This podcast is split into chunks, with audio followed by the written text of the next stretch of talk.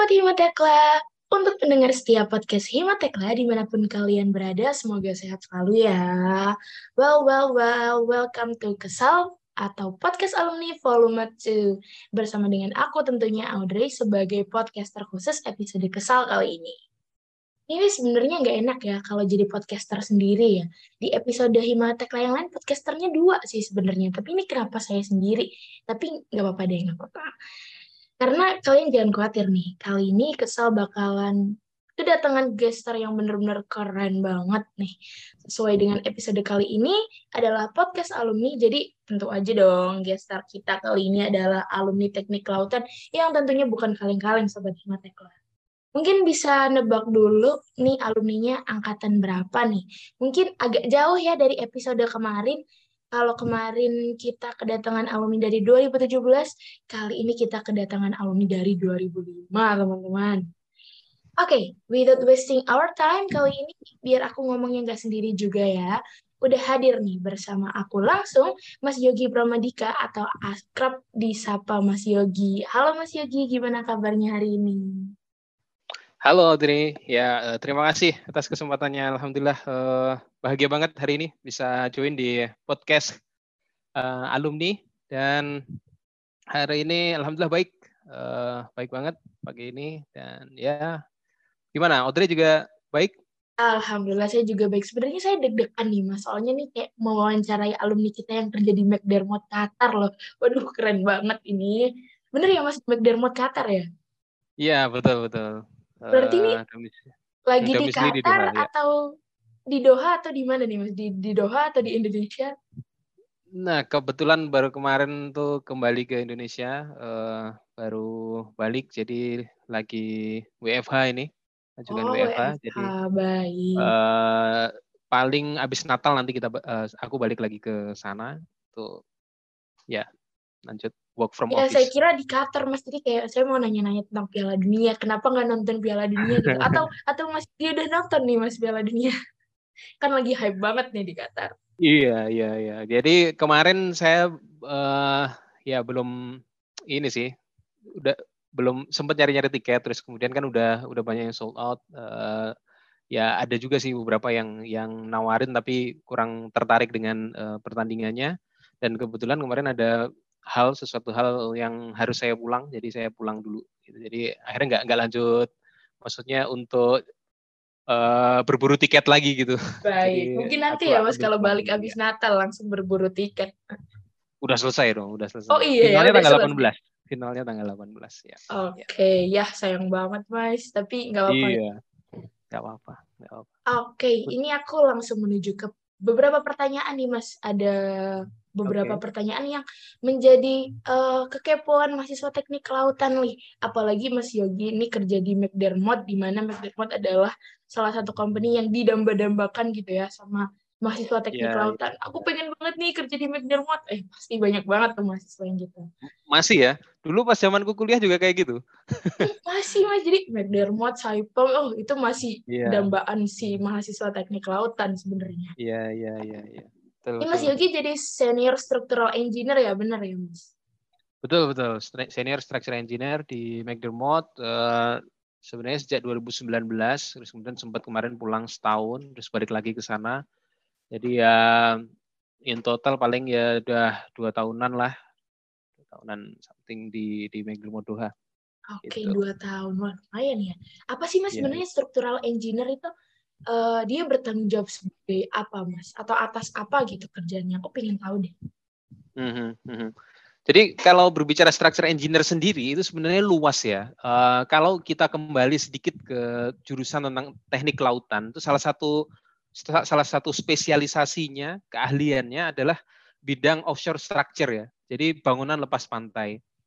Jadi di di bangunan lepas pantai sendiri itu khususnya untuk fasilitas minyak dan gas, ada yang jaket, ada FPSO, ada FPU, FSO, tahu ya teman-teman pastinya sahabat teknik lautan. Jadi FPSO itu floating yeah, iya. production yeah. storage offloading, FPU floating production unit. Kita punya FPU di Jangkrik, FPSO ada di Belanak dan seterusnya. Uh, uh, atau jaket, jaket ini sangat banyak sekali di Indonesia. Uh, yang monopod, ada tripod, ada yang empat kaki, enam kaki dan seterusnya. Nah itu itu dalam membangun itu structure engineer itu uh, uh, macam-macam nanti perannya di sana. Ada structure engineer yang khusus di engineering office, dia khusus di design office. Nah ini saya lebih banyak di sana. Jadi lebih banyak di di belakang meja mendesain, mengkalkulasi. Uh, uh, di depan laptop kayak di opres lah gitu ya kayak di lab opres kalian bisa lihat sehari-hari uh, itu jadi memastikan semua desainnya semua uh, offshore platform atau fasilitas yang kita uh, bikin itu optimum dalam hal safety dalam hal cost desainnya schedule-nya kemudahan dalam sisi fabrikasinya kemudahan instalasinya dan seterusnya yang pokoknya semuanya yang optimum okay. jadi tapi selain itu structure engineer sendiri juga juga ada yang di site, ada yang difabrikasi. Kayak misalnya ada McDermott di Batam, ada uh, Gunanusa di Cilegon, ada Saipem di Tanjung Balai Karimun, Kepulauan Riau, ada ya kalau mereka yang difabrikasi ya mereka bertanggung jawab untuk uh, bagaimana aktivitas-aktivitas yang berhubungan dengan structure, struktur uh, difabrikasi saat mengangkat dan uh, roll up dan seterusnya itu load out atau transport itu itu uh, aman gitu memastikan optimal lah optimal di sisi semuanya ya tanggung jawab uh, structure ini kira-kira seperti itu mungkin jadi Jelas kira-kira banyak ya structural engineer ada yang designing di balik uh, sebelum fabrikasi ada yang difabrikasi gitu ya mas berarti mas betul sekali jadi structure engineer sendiri itu sangat luas gitu. Jadi uh, okay. dan oleh karenanya kita jarang sekali uh, dalam satu perusahaan itu structure engineer-nya sendirian. Nggak ada kayaknya. Jadi Ini banyak uh, gitu ya Mas? Banyak structure engineer. Saya pernah di satu tim itu kalau untuk top set aja uh, minimal sekitar empat orang gitu. Idealnya ya empat orang untuk top set aja. Terus kemudian jacket ntar bisa lima orang karena analisis jaket itu lebih banyak dibanding iya, dengan analisis top side gitu. Tapi uh, ada juga sebenarnya ketika di case-case tertentu di saat uh, scope kerjaannya nggak banyak, maka nanti ya kadang satu platform itu satu orang, tapi senior senior semua gitu. Itu nanti wow, satu kayak platform satu orang. Hmm, hmm, kayak tahun lalu tuh aku kerja di sempat kerja di teknik Jakarta itu satu platform satu orang. Itu. Oke. Ini aku juga kepo sih, Mas. Mungkin boleh cerita singkat nggak tentang pengalaman jadi structural engineer sampai sekarang nih? Sekarang jadi hmm. senior structural engineer. Ya, ya, ya. Uh, singkatnya sih ya, uh, dulu beberapa hari setelah wisuda itu ada berusaha karir ITS. Jadi Oh iya iya masih ada mas sampai sekarang BKI. Masih ada ya di Geraha. Nah dulu ya aku apply lah perusahaan-perusahaan yang ada di sana uh, aku punya kriteria dan mereka juga punya kriteria kan.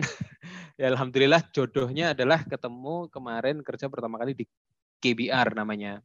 KBR itu salah satu perusahaan uh, American company yang basis di Jakarta uh, di Jakarta juga ada kantornya, tapi sekarang udah uh, udah tinggal dikit kayaknya orangnya. Uh, dulu Kellogg Brown Root namanya. Dia uh, mirip-mirip seperti McDermott, tapi dia tidak punya fabrikasi. Dia hanya engineering aja, engineering company.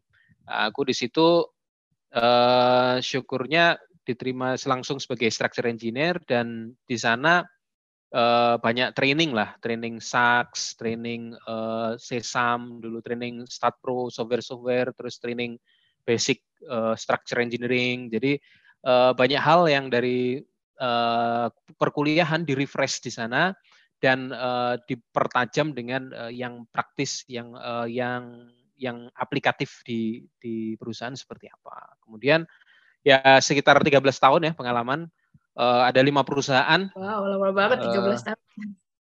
Iya, udah tua aku nih. tiga, 13 tahun, lima perusahaan, sekitar 22 proyek, uh, sempat di KBR, kemudian sempat di AMEK, Teknip, Saipem, sama di McDermott Doha. Saya pom yang paling lama enam tahun di Jakarta. Uh, terus ya yang KBR tadi paling sekitar dua tahun dua tahun setengah ya dan teknik sempat jadi di dua tahun setengah juga jadi handle sekitar 22 project baik itu ada pre-feed mungkin kalau kalian belum uh, familiar feed sendiri itu front end engineering design Jadi tahapan dari project sendiri itu ada pre-fit atau conceptual design. Jadi ini pas fieldnya masih atau kita baru nemuin cadangan minyak gitu misalnya ya uh, di sana. Nah itu kita baru study tuh. Uh, itu masih conceptual design. Kita masih konsep kira-kira uh, study di sana yang paling optimal itu floating atau fixed structure. Terus kemudian kalau fix dia berapa kaki, uh, wow. estimated cost-nya berapa, berapa lama uh, apa schedule-nya dan sebagainya. Kemudian nanti dipertajam di feed front end engineering design. Kemudian setelah feed selesai nanti dipertajam lagi di EPCI engineering procurement construction installation.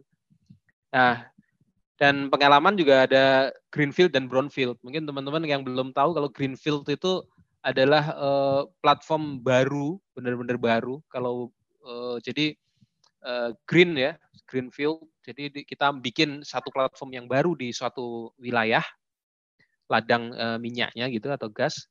Dan brownfield itu kita ada sebuah modifikasi atau uh, mungkin apa ya perubahan, penguatan dan lain sebagainya di platform yang udah eksis, yang existing. Oh, Jadi okay. uh, misalnya di Laut Utara Jawa ada beberapa platform di uh, West Madura Offshore misalnya punya PHE itu udah ada yang beroperasi sekitar berapa tahun misalnya terus kemudian mereka mau menambah uh, sumurnya kapasitas produksi misalnya atau mau menambah compression jadi diinjek lagi ke dalam ada modulnya ya, itu berarti brownfield nah, gitu. jadi kayak brownfield uh, kayak decommissioning bukan mas? Bukan ya? Bukan. Kalau decommissioning itu platform yang udah mati. Kita mau uninstall gitu. Itu decommissioning. Tapi uh, kalau yang ini lebih pada uh, brownfield tuh kita masih mau expand lagi tuh. Kita mau okay. pompa lagi yang banyak, lebih banyak lagi. Tingkatin kapasitas produksi. Karena kan uh, tekanan sumur tuh semakin lama semakin menurun. menurun jadi ya, uh, kapasitas produksinya jadi semakin menurun lama-lama setelah berangsur 20 tahun misalnya. Uh, maka nanti kita perlu tambahkan kita injek lagi misalnya waternya kita injek ke dalam biar atau mungkin kita injek apa uh, kondensetnya atau apa pun itulah uh, kita uh, biar kapasitas produksinya naik gitu. Itu itu. Oke. Okay. Ini dari berbagai company selama perjalanan karirnya Mas Yogi ini pernah jadi apa aja Mas selain structural engineer? Ah. Kalau aku termasuk yang karirnya lurus-lurus saja ya. Oke, okay, baik. Nggak banyak bercabang, tapi uh, ya mostly memang sebagai structure engineer aja. Uh, terus sampai dari awal sampai sampai sekarang ya. Tapi pernah juga kita jadi uh, site engineer. Uh, kemudian pernah juga ke fabrikasi, tapi kita sebagai visit aja gitu. Jadi apa yang kita desain uh, di engineering office kita pastikan saat di site, saat di fabrikasi apakah sama atau enggak atau ada deviasi. Kita solve problem di sana karena hampir bisa dipastikan uh, yang kita di atas kertas itu tidak bisa 100% exactly sama yang di oh. yang dibangun gitu. Uh, ya namanya manusia nggak akan sempurna lah. Betul. Sesuai dengan planning kita kan. Nah, makanya ketika ada deviasi-deviasi itu apakah uh, masih uh, safe atau enggak? Masih uh, deviasinya masih diizinkan enggak? Kalau enggak perlu ada treatment apa? Kalau masih diizinkan bisa go ahead dan sebagainya. Itu harus ada harus ada basis perhitungan, harus ada laporannya, harus klien juga harus lihat. Uh, ada pihak asuransi, marine warranty surveyor juga harus cek, nah, kayak gitu. Jadi uh, ya seperti itulah uh, paling kira-kira ya yang oh, pernah okay. jadi apa adanya. Jadi structural engineer uh, kompleks sekali ya mas sebenarnya. Jadi keahlian apa aja sih yang dibutuhkan mas jadi structural engineer tuh? Hmm, kalau keahlian sebenarnya semua mata kuliah yang kalian pelajari di teknik kelautan ITS itu sudah standarnya internasional gitu. Jadi oh, baik. Uh, iya, karena seperti aku atau mungkin banyak sekali alumni-alumni teknik lautan yang lain yang kerja di overseas juga gitu. Bahkan yang tidak overseas pun dia kerja di multinational company selama aku enam tahun di di Saipem juga di Jakarta doang itu juga kerja bareng orang Itali, bareng kerja bareng orang Jepang, eh, bareng uh, orang Prancis, bareng orang UK dan sebagainya ya Amerika itu ya mereka ke sini ya kita share, kita aku bekerja, mereka cek dan sebagainya. Ya semua basis keilmuan yang aku dapat di jurusan, ya mereka bisa accept juga, mereka bisa satu frekuensi juga gitu. Jadi tidak tidak jauh berbeda sebenarnya gap antara di di kampus dengan apa yang ada di di uh, company di perusahaan ya. Nah ini aku memang case-nya uh, mendapatkan profesi yang memang inline dengan iya, teknik lautan. Betul. Nah, yang gitu. didambang-dambakan sih sebenarnya. Jadi engineer kan betul. kan inline banget sama Tekla gitu kan. Mm -mm, mm -mm. Jadi uh, memang itu. Tapi ketika ada case-case yang karena tidak namanya rezeki kan pasti beda-beda ya. Iya betul. Uh, pasti nanti uh, berbeda juga. Bisa jadi kalian mendapatkan case-case uh, yang tidak inline, harus banyak belajar dan sebagainya. Maka kalau berbicara tentang keahlian apa yang dibutuhkan untuk menjadi structure engineer atau bisa survive di dunia kerja itu sebenarnya adalah keahlian yang uh, bagaimana kita berinteraksi dengan orang lain gitu, soft skill kita gitu. Bagaimana kamu seperti uh, yang aktif di himpunan, aktif di organisasi di BEM FTK atau di BEM ITS dan seterusnya di LM uh, di LM atau mungkin di apa minat bakat dan sebagainya mau di hobi-hobi. Nah, itu kan sebenarnya kalian sedang di wadah-wadah untuk melatih cara berinteraksi dengan orang lain gitu. Dan itulah yang yang yang bisa sangat-sangat membantu kalian. Kalian eh, kalau hard skill-nya tadi eh, materi-materi kuliah itu akan membantu kalian saat job interview, saat eh, awal-awal masuk, tapi kecepatan kalian karir, kecepatan kenaikan karir kalian di perusahaan itu adalah gimana seni kalian berinteraksi dengan orang.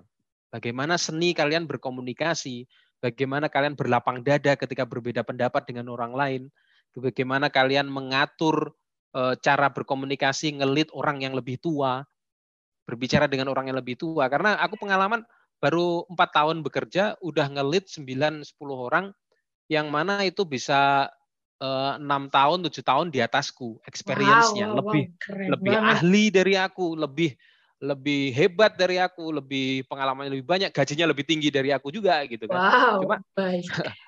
tapi di situ aku ditunjuk untuk memimpin gitu. Kenapa? Ya terbiasa. Dulu aku di himpunan alhamdulillah 2007 2008 aku jadi kahima. Terus kemudian eh, pernah aktif juga di BEM terus eh, ya aktif di banyak organisasi di di kampus gitu. Jadi ketika udah terbiasa lah ngomong sama senior, udah terbiasa ngomong sama dosen, ngomong sama rektor, ngomong sama eh, apa polisi juga bahkan dulu, eh, itu kita jadinya lebih terbiasa gitu menempatkan diri, membawa diri itu di eh, seperti apa dan itu yang bikin orang lain suka, bikin bos kamu suka, bikin okay. eh, bikin orang-orang timmu itu kamu nyaman gitu, timnya itu nyaman. Jadi yang juniormu nyaman, yang seniormu juga nyaman sama kamu, ya itu itu the best deh nanti. Kalau kamu bisa jadi uh, orang yang seperti itu, uh, keahlian-keahlian itu nomor sekian. Kamu okay. mau pinter kayak gimana, tapi kalau seni berinteraksinya itu nyebelin, ah, ya nggak bakal kepake gitu. Oke, okay. itu Wah, sih, itu sih paling. Bener-bener membukakan pikiran aku sih, Mas. Jadi bukan cuma hard skill. Jadi teman-temannya bisa dicatat ya take a note. Jadi bukan cuma hard skill nih teman-teman kata Mas Yogi. Soft skill itu benar-benar penting untuk uh, menaikkan karir kita gitu ya. Mulai dari komunikasi dan juga cara berinteraksi sama orang. Bener nggak Mas Yogi? Betul sekali, betul, betul. Yeah. Jadi teman-teman nih untuk mempersiapkan dunia karir jangan lupa soft skillnya diasah juga nih teman-teman nggak cuma hard skill doang. Hard skill penting sih, tapi barusan kata Mas Yogi benar-benar membukakan pikiran aku kalau soft skill dan gimana sih cara kita berinteraksi sama orang, gesturnya itu sangat mempengaruhi juga gitu ya sobat Himatekla. Betul, betul, betul, betul.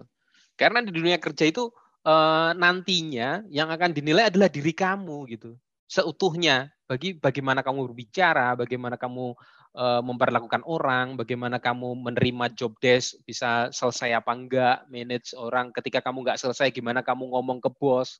Uh, itu ketika kamu enggak sesuai ekspektasi bos, gimana kamu uh, apa membawanya. Itu kan ya ya itu itu adalah diri kamu gitu. Jadi nggak nggak melulu adalah kamu pinter IPK 4 atau uh, lain sebagainya. Bahkan banyak juga kejadian yang IP-nya biasa-biasa saja, ternyata dia uh, di kampus itu sangat terasah dengan organisasi, sangat terasah dengan aktivitas-aktivitas bersama, nggak kupu-kupu ya, kuliah pulang kuliah pulang. nah, itu uh, ternyata dia bisa bisa sampai luar negeri juga bahkan uh, dan masya Allah IP-nya bahkan di bawah standar tapi dia yang keterima. Itu wow, itu keren. keren keren berarti kita juga harus pintar beradaptasi gitu ya mas dari segala kondisi segala pressure gitu mas. Betul betul sekali. Adaptif itu adalah yang yang poin sangat penting gitu. Dan bagaimana kita beradaptasi? Ya itu tadi kembali lagi bagaimana kita berinteraksi dengan orang lain, bagaimana kita bisa menempatkan diri dan mengelola emosi kita gitu. Karena tidak semua orang kan uh, akan kita suka juga, cuma kan iya, bagaimana mengatur sikap kita gitu kan. Agar uh, ya stay positif, be nice people, be nice person ya kayak gitulah. Oke. Okay. Ya, kira-kira. Hmm. Kalau tadi kita ngomongin soft skill, kalau hard skillnya nih Mas, sebenarnya hmm. mata kuliah yang kita pelajari saat ini itu bakalan benar-benar kepake di saat dunia kerja atau gimana Mas? Uh, tentunya tidak akan 100% akan ter, terpakai ya. Maksudnya kalau kita mau bilang uh, itu tergantung profesi kalian gitu. Nanti akan kepake di mana. Tapi yang jelas di kampus tuh ibaratnya kamu dikasih uh, banyak senjata, uh, kemudian nanti kamu masuk hutan, Nah, itu tergantung uh, musuh apa yang kamu temuin dan kamu pakai mana yang paling tepat. Kadang kamu pakai tembak, kadang kamu pakai tombak, kamu pakai uh, panah dan lain sebagainya. Jadi ibaratnya kayak gitu ya. Jadi tapi yang jelas ingin saya make sure di sini adalah uh, bagaimana kamu melatih diri untuk bisa belajar dengan cepat, uh, melatih diri bagaimana kamu beradaptasi dengan hal-hal uh, yang baru. Karena aku yakin di teknik kelautan tuh banyak sekali mata kuliah yang di SMA kamu nggak dapet kan, kamu betul, baru iya, kan. Mas. Nah, betul, betul. itu kamu ambil positifnya adalah kamu eh, bagaimana antusias kamu mendapatkan sesuatu hal yang baru ini gitu. Itu salah satunya. Eh, jadi nanti saat di kerjaan itu kalau kamu beruntung kayak aku, itu kepake semua tuh mata kuliah mata kuliah itu. Jadi maksudnya yang aku butuhin udah aku pelajari di kampus. Yang aku butuhin udah aku pelajari di kampus gitu. Jadi kayak eh, misalnya di kampus udah ada me mekanika teknik, udah ada perancangan bangunan lepas pantai, udah ada tugas rancang dan sebagainya.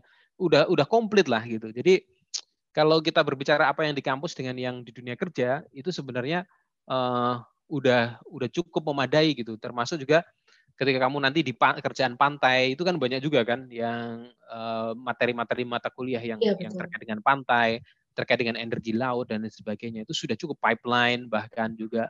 Jadi uh, nggak usah khawatir, PD, optimis uh, dan yang penting itu tadi kalau kamu menghadapi kesulitan nggak usah lari, itu kesempatan kamu bertumbuh di sana. Jadi itu uh, hadapi sesuatu yang baru itu, suatu kesulitan itu kamu pelajari dan kamu dapat hal yang baru di sana dan insya Allah uh, anak ITS tuh bisa gitu. Oke. Uh, apakah kita harus menguasai semua mata kuliah, Mas? Ini sebenarnya jadi pertanyaan pribadi aku sih, Mas. Untuk hmm. kan untuk bisa menggunakan seluruh senjata tuh, berarti kita harus bisa memakai semua senjatanya dong. Iya, iya. Apakah iya. berarti kita uh, harus bisa menguasai seluruh mata kuliah atau bagaimana menurut Mas Yogi? Nah itu itu aku alami tuh waktu interview okay. yang di KBR yang pertama kali aku malah diterima, tapi uh, sebenarnya banyak hal yang aku nggak bisa jawab karena uh, pertanyaannya tuh misalnya uh, sebutkan parameter-parameter tanah gitu kan. Wow, aku lupa. Aku lupa. Terus kemudian aku bilang aku lupa gitu. Uh, saya lupa. Tapi kalau saya diberi kesempatan untuk membuka buku sekarang, saya bisa saya bisa sebutin sekarang gitu rumusannya dan sebagainya. Gitu. Jadi untuk hal-hal hafalan memang aku beberapa waktu itu lupa dan aku bilang aku lupa gitu. Uh, tapi kan aku mau mau make sure ke dia agar dia uh, tetap positif lah uh, anggapannya apa pandangannya dia persepsinya dia kepada aku. Jadi aku bilang uh, tapi saya saya bisa make sure pak bahwa diri saya insya Allah bisa belajar dengan cepat gitu. Jadi ketika nanti Bapak berikan sesuatu hal yang baru di saya, terus kemudian saya nggak nggak memahami itu, maka saya bisa coba cari, saya coba uh, tanya ke orang lain dan sebagainya. Dan saat di dunia kerja pasti juga kamu nggak akan kerja sendiri, kamu punya tim, kamu punya senior, kamu punya leader, kamu uh, punya bos. Jadi di sana uh, ya ketika kamu menjadi orang yang apa bisa berinteraksi dengan baik dengan orang lain tadi, maka uh, orang lain tuh akan dengan mudah untuk memberikan semuanya ke kamu gitu. Dan itu aku alami gitu. Jadi aku diberi sesuatu yang baru aku nggak ngerti, aku tinggal tanya ke senior. Okay. Ya dia kasih gitu, kasih gobay, kasih apa baceman lah gitu ya, kasih baceman. iya, betul, betul. Uh, kayak di kampus kayak di kampus gitu. Cuma uh, kalau di dunia kerja itu ya bacemannya halal gitu. Karena uh, sering kali di sama bos malah dibilang kamu jangan develop sendiri gitu. Develop sendiri itu adalah nanti kamu akan bisa masih rawan salah yang pertama, yang kedua akan makan waktu, yang ketiga akan makan waktu juga untuk orang yang verify, orang yang ngecek gitu.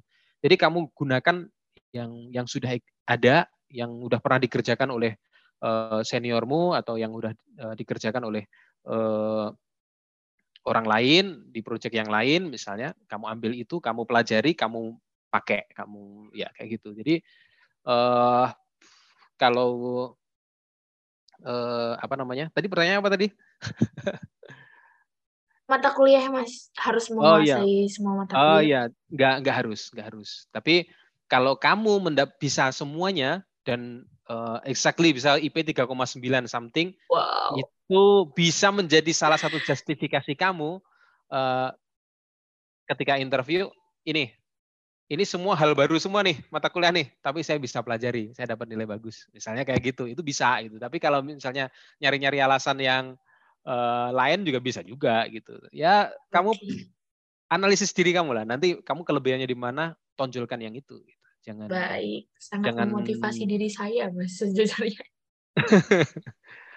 Oke oke.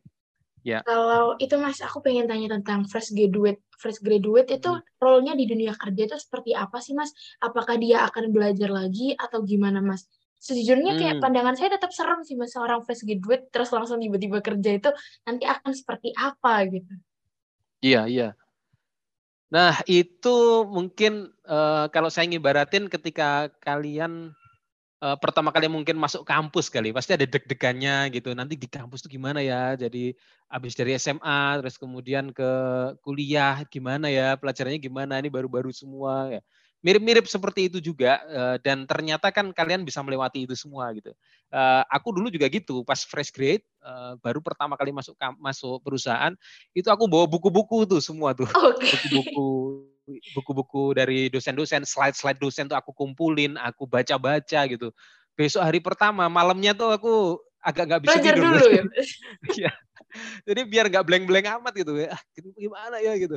Jadi uh, ternyata ternyata ketika pas datang ngantor ya fresh grade tuh dianggap sama teman-teman sama perusahaan-perusahaan mostly ya eh, karena aku di lima perusahaan yang aku dapati itu mostly mereka menganggap fresh grade itu ya belum bisa siap pakai. Jadi masih ada pengampunan di situ, pemakluman di situ.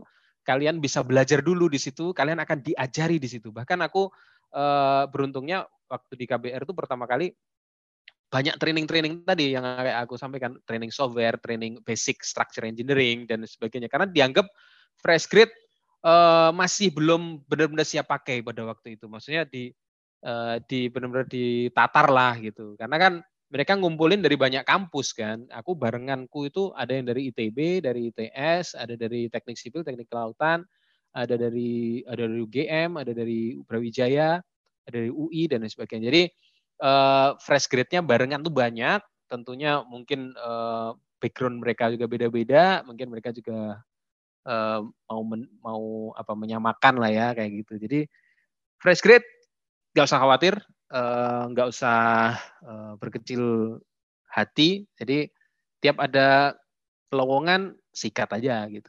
Nanti dan plus juga nih aku uh, pengen ngomong bahwa uh, aku itu sebenarnya udah awalnya tuh udah cukup optimis. Uh, makanya aku agak idealis waktu itu.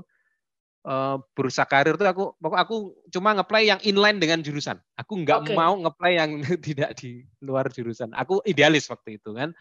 Uh, jadi aku nggak aku pilih-pilih banget waktu itu. Uh, jadi aku agak lama dapat kerjaan. Jadi aku wisuda itu Oktober. Uh, Desember hari pertama ke masuk kerja. Jadi November jadi sebulan lah aku aku dapat fiksasi kerjaan tuh sebulanan lebih dikit gitu. Uh, tapi kalau setelah dari lulus TA kan aku juga udah, juga udah mulai latihan apply gitu. Nah, yang aku mau sampaikan adalah kalian kalau ada lowongan sikat aja dulu. Kalian latihan interview di situ. Nanti kalau misalnya ada benefit di akhir ternyata kalian diterima, terus kemudian uh, ternyata nggak nggak sesuai dengan yang kalian inginkan, ya nggak jadi kalian ambil nggak apa-apa. Kalau dari pendapatku ya gitu. Jadi uh, atau kalian tuh ya itu kalau diterima. Tapi kalau nggak diterima itu banyak sekali pelajaran di situ. Kalian belajar psikotes kalian belajar TPA atau potensi akademik kayak gitu gitu kan. Kalian belajar ngisi uh, apa interview interview kalian menghadiri interview interview HR gimana interview user gimana. Itu perbanyakin tuh latihan aja nggak apa-apa gitu. Karena bisa jadi nanti aku itu setelah interview ke berapa baru keterima padahal aku kahima aku dulu menteri di BEM aku dulu uh, mahasiswa berprestasi aku uh, eh, IP juga tinggi lah gitu. Tapi dari semua prestasi yang ada itu ternyata nggak nggak menarik gitu. Belum cukup nggak, ya nggak, nggak cukup. Ternyata aku nggak nggak bisa langsung keterima kerja gitu. Nggak semua interview itu bisa aku hadapi dengan lancar gitu. Padahal aku juga pemandu juga gitu. Jadi Wah. aku ngomong tuh udah udah udah lancar aja gitu sebenarnya, udah terkonsep apa. Tapi kok nggak masuk masuk apa ya? Nah itu kalian perlu latihan gitu. Jadi eh, gimana caranya kita bisa menghadapi interview, gimana kita caranya bisa meng, apa CV kita biar bagus. Kita kan dapat feedback tuh. Jadi kalau iya, kita nggak diterima, kita kita minta feedback aja dari interview kita minta feedback juga ke HR-nya atau gimana. Jadi dari situ kita bertumbuh, kita belajar gagal, gagal, gagal, gagal baru berhasil gitu. Jadi eh, jangan anti lah terhadap kegagalan, jangan anti terhadap mencoba, cobain aja, cobain aja. Dan Jadi sebagai bahan evaluasi gitu ya Mas. Oh saya di interview betul, tuh kayak gini gitu loh. Betul betul. Oke. Okay. Dan juga psikotes juga, psikotes itu kan aneh juga tuh. Aku, oh, kayak gini diterima, kayak gini enggak diterima gitu. Psikotesnya kan juga macam-macam oh, tuh. Tiap iya, perusahaan iya, tuh iya. psikotes juga macam-macam. Jadi uh, fresh grade kebanyakan waktu dulu itu ada psikotes juga. Kayak Pertamina, aku dulu pernah mm -hmm. pernah apply Pertamina juga. Dia stepnya itu sampai berapa step tuh ya? Delapan step atau berapa step tuh? Uh, sampai interview tuh banyak gitu. Dari interview konsultannya, terus interview uh, eh, HR-nya, interview user-nya. Aku sampai di tes kesehatan nggak masuk. Wow, oke. Okay.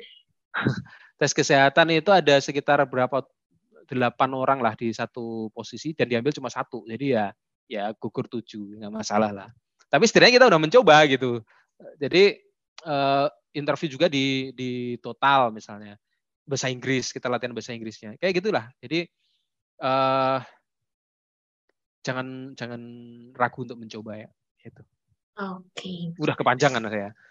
Nggak apa-apa mas, itu benar-benar sangat insightful buat teman-teman nih, buat yeah, uh, yeah. teman-teman yang lagi di semester akhir nih, mungkin 2019 nih, pasti uh, membutuhkan saran itu. Jadi perbanyak latihan dengan cara banyak apply. Apa pun itu sikat ya Mas pokoknya. Mm -hmm. Ya. Oke, okay, selanjutnya aja. aku pengen tanya nih Mas, tips and trick yeah. buat teman-teman Himatekla biar bisa jadi keren kayak Mas Yogi. Gini, gimana sih Mas caranya? Uh, tips, trik, dua kata aja. Passion. Apa nih? Passion. Passion. Persistence. Persistence. Sab, uh, passion, sabar, persistence, pantang menyerah itu. Okay. Jadi ya itu biar mudah diingat ya. Jadi passion and persistence. Jadi kalian sabar uh, karena pasti nanti kalian itu akan menghadapi kesulitan di mana pun itu bekerja di mana pun dan pantang menyerah gitu. Kalau kalian mengundang alumni-alumni yang angkatan-angkatan lebih tua lagi, angkatan 80-an, 90-an, itu selalu dulu pas aku di himpunan undang-undang mereka-mereka itu ya tips dari mereka itu kalau ada kesulitan jangan lari, adepin gitu. Itu. Jadi dengan dan di situ adalah kesempatan kalian bertumbuh. Di situ kalian mendapat hal yang baru, mendapat kepercayaan yang baru. Mau di uh, ibaratnya mau mengad, mau dimarah-marahin, mau diapain aja ya wes pasrah gitu. uh, hadepin itu hadepin uh, kemudian uh, pantang menyerah gitu.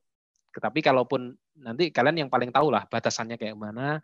Ya kalau kalian udah nggak ini nggak bisa menghandle itu ya kalau mau lepasin juga nggak masalah gitu. Tapi yang pertama untuk diusahakan adalah passion, persistence. Nanti kalian akan mendapatkan uh, titik kesuksesan yang yang yang kalian mau, insya Allah. Di apa pun bidangnya, mau entrepreneur, entrepreneur apalagi itu, itu uh, the best itu mereka. Oke, okay, jadi passion dan persistence tuh bisa dicatat teman-teman dua kata yang sangat krusial nih buat uh, menjadi apa ya hal yang penting lah untuk harus kita jalani di dunia kerja nanti dan juga persiapan di dunia kerja. Jadi harus sabar dan jangan pernah menyerah. Ya. Ada pertanyaan terakhir nih Mas. Mungkin hmm. mungkin kangen dikit nih sama dunia perkuliahan. Mungkin boleh diceritain. Ini Mas Yogi juga jadi Kahima 2007 sampai 2008 loh. Mawapres juga, pemandu juga. Mungkin ada uh, pengalaman atau kejadian yang paling diingat Mas di kampus nih? Kita intermezzo dikit. Apa sih yang dikangenin nah. dari kampus, dari Tekla nih? Ya, oh paling yang paling uh, dikangenin ya dari kampus ya salah satunya kantinnya ya, kantin Kantin, FTK. Okay. Terus kemudian ya teman-teman, uh, terus uh, ya suasana perkuliahan, uh, ya dan kalau saya ingat-ingat dulu yang mungkin masih eksis sampai sekarang. Dulu saya pas Kahima 2007-2008 itu dari kami itu yang salah satu merumuskan dan mendirikan BMFTK di 2006. banget. Uh, 2000 2007 sorry 2007 2008. Jadi kepengurusan 2007 2008 dulu kita uh, create kalau nggak salah kepengurusan pertama berarti 2008 di BMFTK itu dan sampai sekarang BMFTK masih ada kan?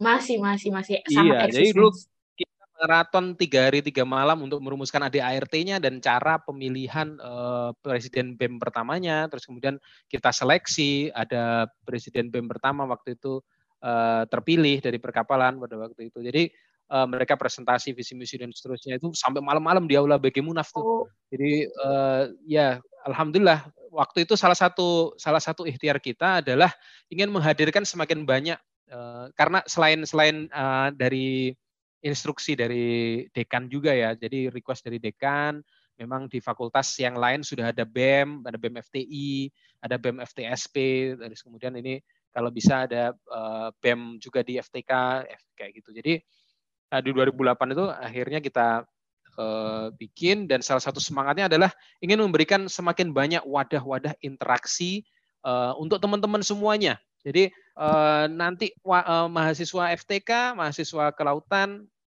itu sekian banyak pilihan. Kalian juga bisa double. Saya dulu pernah beberapa kali double. Jadi di Hima dia juga jabat, di BEM juga dia jabat, meskipun jadi sama-sama staff. Akan tetapi itu jadi jadi latihan untuk kita berinteraksi, manage kegiatan, kita kenal dengan orang, kita bagaimana menghadapi uh, apa pun itu gitu pressure bagaimana kita bertemu dengan dosen nungguin dosen lama banget gitu misalnya untuk asistensi proposal dan lain sebagainya. Bagaimana kita bersabar di situ bagaimana kita pantang menyerah di situ itu itu yang yang yang bisa menjadi bekal terbaik untuk kalian di dunia kerja selanjutnya gitu. Itu sih. Itu kangen oh. banget tuh aneh uh, aku. Jadi uh, apa bisa nungguin dosen lama di depan ruangannya dari pagi sampai malam itu uh, antri asistensi terus kemudian ya kangen suasananya ya mas ya? Bener ternyata segala penderitaan perjuangan ya, saat uh, di kampus dulu itu itu jadi hal yang sangat dirindukan gitu. Uh, ya itu jadi cerita yang sangat tiap ketemu sama teman-teman pasti kayak gitu bicaranya oke. okay. Mungkin dari Mas Yuki sebelum kita mengakhiri podcast kita hmm. hari ini ada closing statement mungkin Mas atau pesan lagi nih buat teman-teman mungkin. Oke, okay. uh, eh, pesan closing statement ya, closing statement yang udah diingat. Ini aja. Think big, start small, learn fast. Learn wow. fast. Jadi think big, berpikir besar, start small, uh, mulai dari yang kecil, uh, learn fast. Uh, kita belajar uh, dengan cepat itu. Jadi uh, kita kita oke, okay, kita sekarang masih kecil nih. Kita apalagi mungkin yang teman-teman entrepreneur atau teman-teman yang uh, mungkin bekerja dari staff yang masih mengawali kecil memang tapi kalian jangan pernah berpikir kecil terus gitu kalian juga berpikir besar sebenarnya oke okay, aku mulai di sini dulu nggak masalah. Tapi aku sebenarnya punya mimpi untuk nanti aku bikin perusahaan sendiri misalnya. Aku punya mimpi untuk nanti uh, bisa uh, apa di satu posisi ini misalnya atau aku punya mimpi kerja cuma 10 tahun aja. Habis itu nanti aku udah udah atau 10 tahun kelamaan, lima tahun aja misalnya untuk ngumpulin modal, eh, modal nikah, eh, terus kemudian eh, kemudian usaha bareng-bareng sama keluarga, sama istri dan seterusnya atau sama teman-teman. Tapi kalian harus punya itu, gitu. Think big, okay. start small, learn fast. Jadi kalian belajar juga juga perlu cepat gitu. Karena sekarang ini dunianya sangat cepat. cepat ya, kalian ya, Mas ya. Cepat banget. Kalian dan sekarang belajar akses akses apa pun itu gampang. Kalian belajar apa pun di YouTube ada Kalian belajar apa pun, jurnal apa gampang banget. Dulu itu susah banget. Kita untuk nyari uh, apa materi-materi kuliah sekarang di YouTube kamu mau cari tentang instalasi bangunan lepas pantai, klik enter di YouTube banyak ada. banget video-video. ya, iya, video-video banyak banget. Kalau dulu kita cuma bayangin aja gitu, fabrikasi. Sekarang nyari di YouTube juga banyak gitu. Tapi kalau dulu susah banget kita mau bayangin apa yang dibicarain dosen tuh Eh, masih pakai overhead apa OHP itu masih pakai OHP mungkin kalian nggak tahu OHP ya. Jadi sebelum adanya LCD proyektor. Nah itulah. Jadi masih okay. uh, eh, jadi masih atau bahkan ada juga yang yang nulis di papan tulis gitu. Jadi dosen kita uh, masih apa jadi kita mencatat semuanya gitu jadi gambar-gambarnya itu juga masih gambar di papan tulis kita kita bayangin tuh bingung apa berimajinasi gitu, kan. gitu ya iya iya dan sekarang sangat mudah. Jadi itu kalian harus imbangi itu dengan kalian bisa belajar itu dengan cepat gitu. Manfaatkan waktu-waktu luang untuk yang yang produktif. Kalian macam-macam lah apa pun itu. Di YouTuber oh. jadi konten kreator atau oh, apa pun siap. lah itu tapi tapi setidaknya kalian produktif gitu. Think big, produktif. start small and fast. Nanti kalian akan dapat itu. Gitu. Itu okay. sih paling ya. Keren banget. Jadi jangan lupa teman-teman, think big, start small, but learn fast. Gitu yes. ya. Oke nih teman-teman, dari bahasan tadi itu berarti udah mengakhiri episode kedua dari Kesal volume 1 ini. Sekali lagi terima kasih banyak untuk Mas Yogi yang telah menyempatkan waktunya di tengah kesibukan nih dan ngobrol Sama-sama. bareng aku di sini. Sebenarnya ini sangat membukakan pikiran aku Mas dan sangat memotivasi aku untuk kayak oh jadi nanti di dunia kerja aku harus preparing ini ini ini gitu Mas. Mm-hmm. Menjadi sangat invite yeah insightful dan obrolannya daging semua ya guys isinya.